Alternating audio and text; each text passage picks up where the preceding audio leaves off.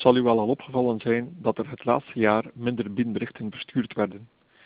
Bij nazicht blijkt dat er afgelopen jaar slechts acht inbraken gepleegd werden in onze gemeente. Dit lage cijfer is natuurlijk te wijten aan de huidige coronacrisis. Veel mensen werken van thuis, kinderen kunnen niet altijd naar school gaan en wie niet echt naar een winkel hoeft te gaan, blijft sowieso beter in zijn woning.